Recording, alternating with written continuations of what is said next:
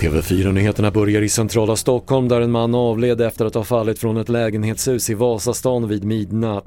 Polisen har inlett en förundersökning om mord eftersom man inte kan utesluta brott men ingen är gripen.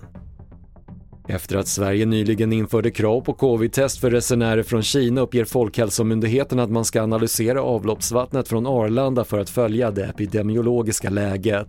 Smittspridningen i Kina bedöms i nuläget inte ha någon större påverkan på smittläget i Sverige. Stora delar av Askersund är fortsatt utan vatten efter en vattenläcka igår och så här säger Susanne Jarl, teknisk chef på Askersunds kommun. Idag så kommer man få hämta vatten på de olika ställen där vi har ställt ut dricksvattentankar.